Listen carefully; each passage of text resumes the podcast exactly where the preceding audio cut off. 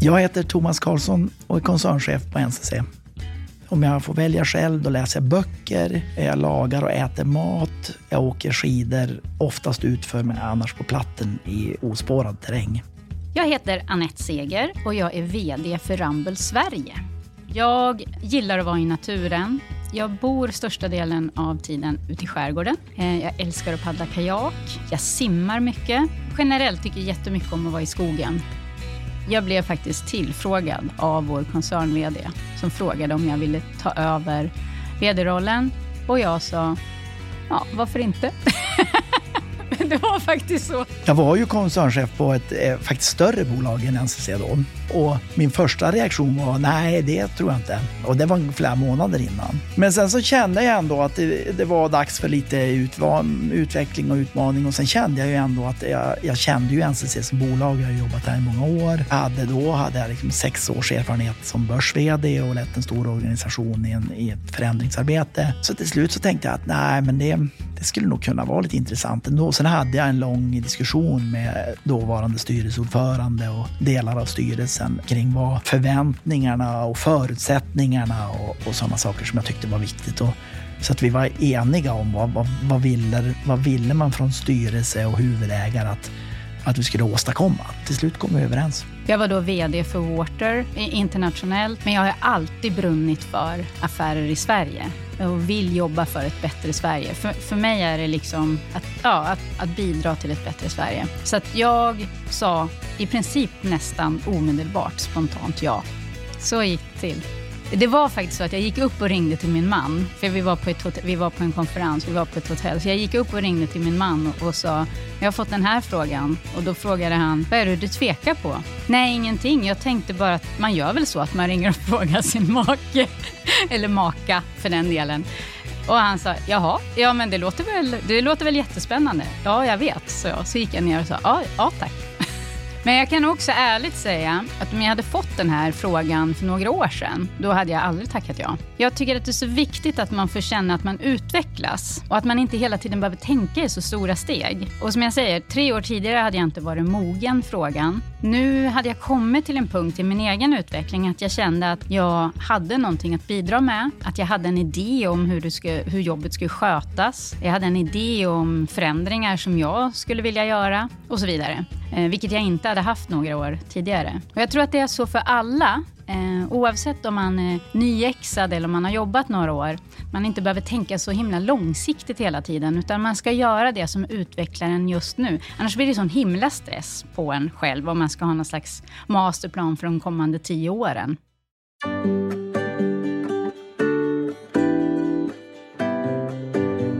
Vi samarbetar ju med ett stort antal eh, konsulter på, alltså, på många olika sätt. Ibland som leverantörer till oss. Ibland uppträder de som representanter för våra kunder. Ibland är det rena eh, projekteringsuppdrag. Ibland är det byggledning. Så, så det, är liksom en, det finns en, ett ganska stort gränssnitt mellan hela konsultindustrin och entreprenaderna. Rumble eh, vi är ju eh, tekniska konsulter. Vi planerar och projekterar Ändå så kan vi samverka under en period eller också så sker en överlämning vid en punkt där projekteringen är klar och byggandet tar vid så att säga.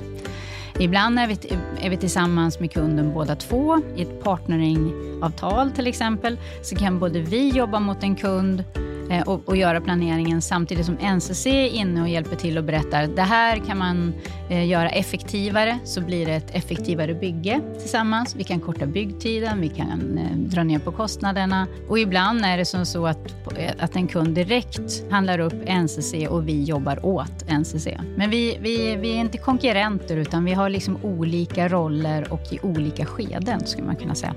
Men man ska komma ihåg och det tycker jag är viktigt om man, om man funderar på att ge sig in i den här branschen. Så är det, det är en del av samma bransch, men som ser på den på väldigt olika sätt och där affärerna är väldigt olika. Eh, och där tror jag, eh, i och med att jag själv har erfarenhet från, från båda sidorna, så skulle, vinner man på att försöka sätta sig in i vad är det som driver vad är drivkrafterna och, och motiverande för ett entreprenadföretag Eh, respektive vad är drivkrafterna och motiverande för ett konsultföretag och hur får man det att jobba ihop så bra som möjligt. Hur det kom sig att det blev NCC? Det var en, en ren och skär slump. För det var så att när jag gick på Chalmers så skulle man ha byggplatspraktik ett antal veckor. Jag kommer inte ihåg hur många det var. Jag tror det var 12. Man fick kämpa lite grann för det där på somrarna. Och jag hade ingen släkt som hade jobbat i byggbranschen eller kände ingen som jobbade i byggbranschen. Så det var ju, för det var det ju vanliga sättet man fick praktiken, att man hade någon släkting man kunde gå till.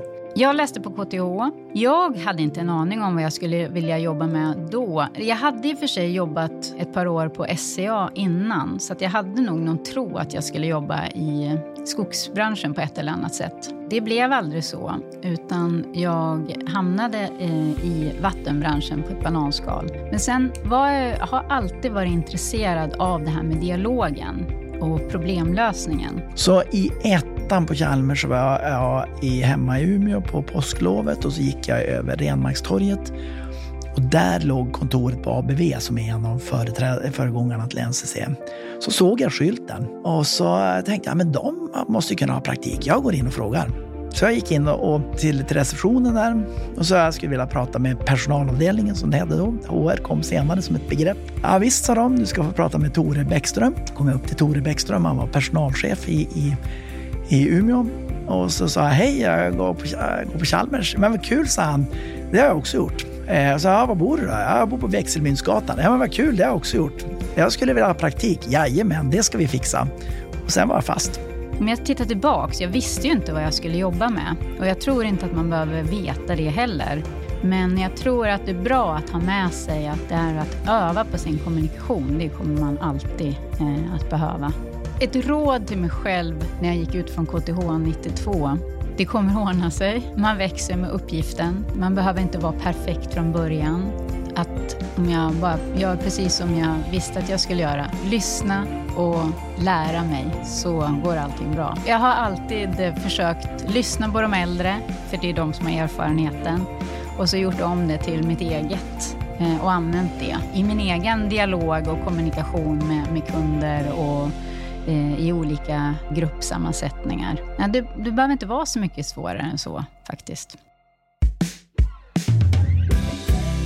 framtiden ser ut? Ja, den är ju intressant till att börja med. Det, det, det, Eh, får man ju säga då. Sen vet vi inte. Alltså just nu för tillfället, jag, jag är väldigt säker på att NCC kommer att gå bra för framöver. Vi har, har liksom, vi, vi som är på fokus på kärnverksamhet. Vi vet vad vi ska göra. Vi förbättrar oss ständigt. I, I den här processen när vi planerar för framtidens städer som är så pass mycket mer komplext i och med energikris, i och med klimatförändringar, städerna blir tätare. Vi vet alla att, det kommer, att vi kommer drabbas hårdare av skyfall, översvämningar eh, och torka för den delen. Kyla, blåst. Eh, det är massor med saker som, som påverkar våra framtida städer. I den processen, eh, där vi tillsammans med en kund planerar och där sen en entreprenör kommer in och bygger, det är inte någon rocket science det vi gör. Det är liksom inte så svårt. Det är inte tekniken som är det svåra, utan det är just samarbetet. Därför så är det otroligt viktigt att vi får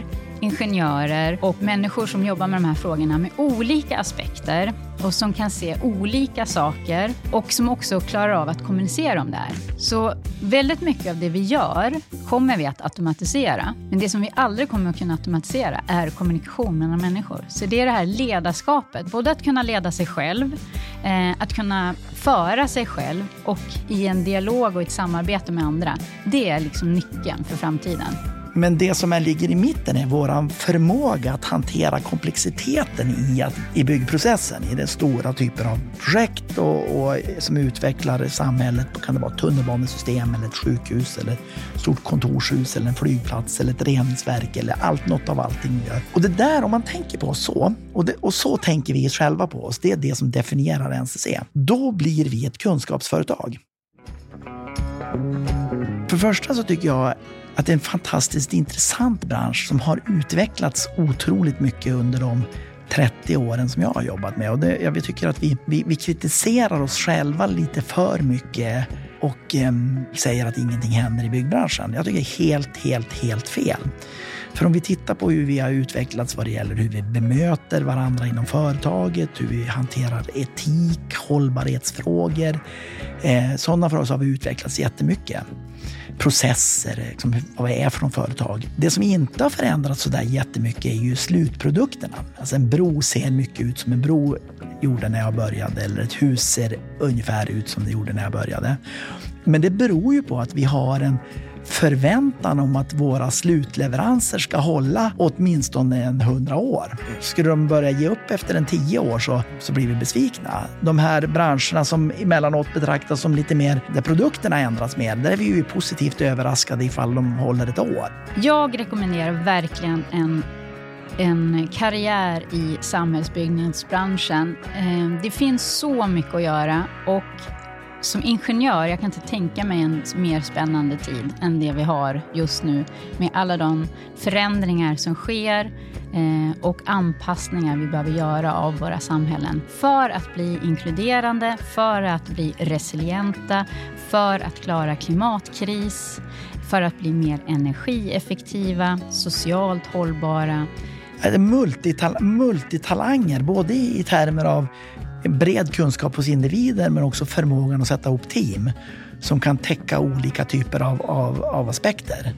Eh, det skulle jag säga är nyckeln. Och det, det, där understryker ju än en gång att det är liksom det vi det vi i framtiden kommer att behöva eh, attrahera och behöva tycka är våra värdefullaste medarbetare är ju liksom de som förmår att ta till sig den här breda bilden av Eh, liksom allt ifrån teknik och ekonomi som är det uppenbara till samhället och andra intressenter och våra kunders behov och deras kunders kunders behov och eh, liksom, den, den, långa tiden man kommer, den här eh, delen av den bebyggda verkligheten kommer att, att, finnas kvar och vad som kan hända under tiden. Så bredd i individen och bredd i teamen tror jag kommer att bli viktigt. Det finns så många spännande frågeställningar där jag tror att våra unga idag är väldigt intresserade av att vara med och forma sin framtid. Så jag kan verkligen rekommendera samhällsbyggarbranschen.